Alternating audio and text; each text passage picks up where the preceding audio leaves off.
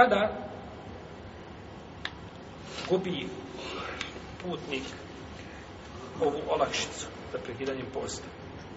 Gubi je u jednom od dva slučaja. Da nanijeti u drugom mjestu boravak,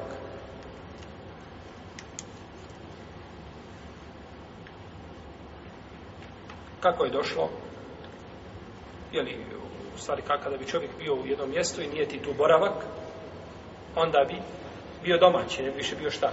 Putnik, pa gubi to pravo. No, međutim, u nama se razilazi koliko je to.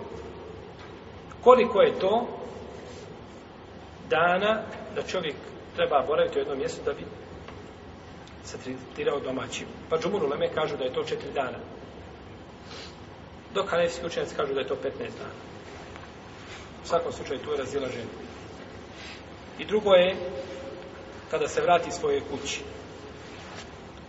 Kada bi čovjek došao u svojoj kući, na večer 12 sati mora sutradan da posti. Ne možeš kazati, ja sam umorio se od puta, nisam se još dobro odmorio. Ti si došao u mjesto boravka ti moraš šta? Posti. Ti moraš posti. No međutim, došao je čovjek sa puta u podne. Kada je došao kući, prekinuo je post tamo negdje u putu, Prekinuo post. Nije postio taj dan, jer je bio putnik. I došao je kući poslije podne. Hoće li postiti do noći? Mora li se suzdržati do noći od hrane?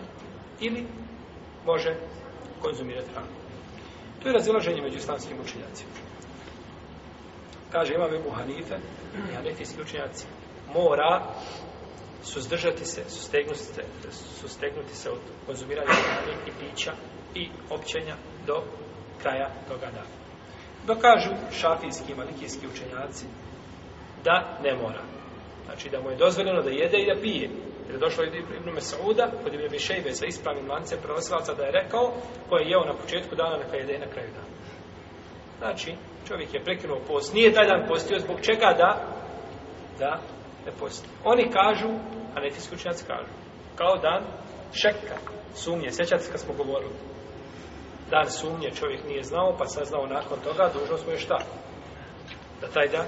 No međutim, dan šeka, on nije postio zbog čega?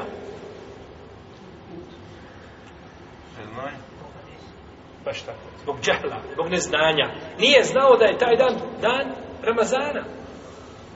Dok vamo nije postio radi čega? Radi puta.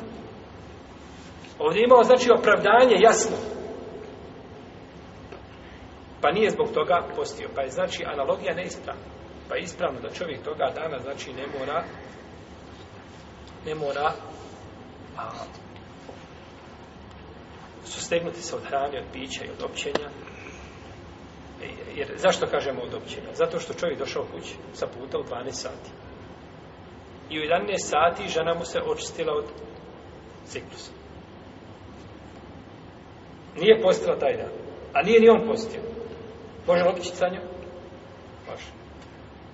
Može znači. Ne mora ni ona, ni on, niti skupice niti na posti taj dan, jer ni jedno ni drugo nisu taj dan bili, znači šerijatski, obavezani čime?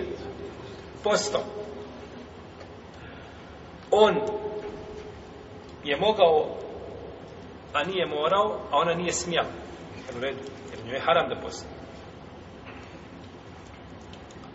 Ovdje je autor spomenuo jedno pitanje, kaže ovaj, ako bi čovjek, ako ne bi mogao izdržati sa bez žene jedan dan, pa bi sa njom namjerno otputovao, da sa njom imao odnos.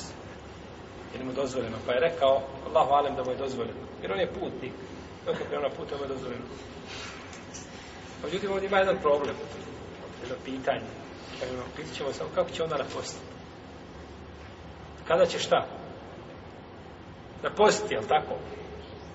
Jer on je stalno u tome halu, u tom stanju. U svakom slučaju, uzvišen je Allah je učinio noć ovaj, da čovjek udovolja svojim prohtjevima, a po danu treba da se pokori da posti.